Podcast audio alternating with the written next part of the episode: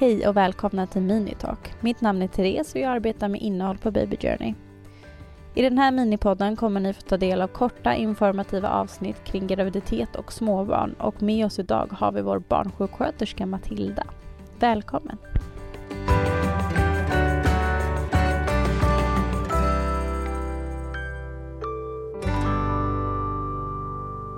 I dagens avsnitt kommer vi att prata lite om prematura förlossningar och vad det innebär att vårda ett för tidigt fött barn. Eller om man har fötts med en sjukdom.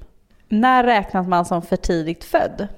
För tidigt född är man om man föds innan vecka 38 plus 0. För då räknas man som fullgången. Men om du föds efter vecka 35 plus 0 så behöver du oftast inte vårdas på en neonatalvårdsavdelning utan du har bara en längre tid på BB-avdelningen. Okej, men vad innebär det att vara på neonatalavdelningen? Att vara på neonatalavdelning innebär att man eh, blir övervakad eh, oftast med syresättningen. Eh, man kanske behöver hjälp med att hålla värmen. Antingen om man är väldigt liten så ligger man kanske i en kuvös.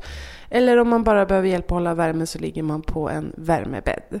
En del barn kan också ha svårt att hålla sina blodsocker och då kan de också vara på neonatalen för att få mer tillmatning eller glukosdropp eller liknande.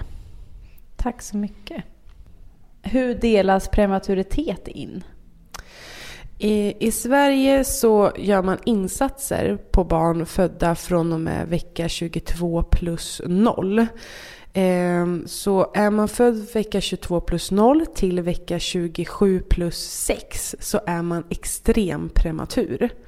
Sen från vecka 28 plus 0 till vecka eh, 35 då ungefär, men kanske 33, så är man prematur. Eh, och däremellan 35 till vecka 38, då är man ju egentligen lite prematur. Men man behöver oftast inte alls samma hjälp som där mellan vecka 22 till 27 plus 6 eller 28 plus 0 till 35 plus 0. Tack. Ökar risken för komplikationer om man är född prematur? Eh, det som forskning visar så finns det en ökad risk för kognitiva nedsättningar eller synnedsättningar. Eh, sen beror allting på hur för tidigt född du är. Är du extrem-prematur så kan du få eh, problematik med till exempel lungorna. Många kanske har astma eller små lungor. En del har problem med tarmarna och har man utsatts för mycket under sina första levnadsveckor och är extremt prematur så kan man också få hjärnskador. Men som tur är är det ganska ovanligt. Tack så mycket. Om man redan innan sin förlossning vet att sitt barn kommer födas med en sjukdom, har man då redan innan förlossningen gjort upp en vårdplan eller väntar man tills det att barnet är fött? Eh, det beror lite på hur allvarlig sjukdom eller komplikationen verkar vara.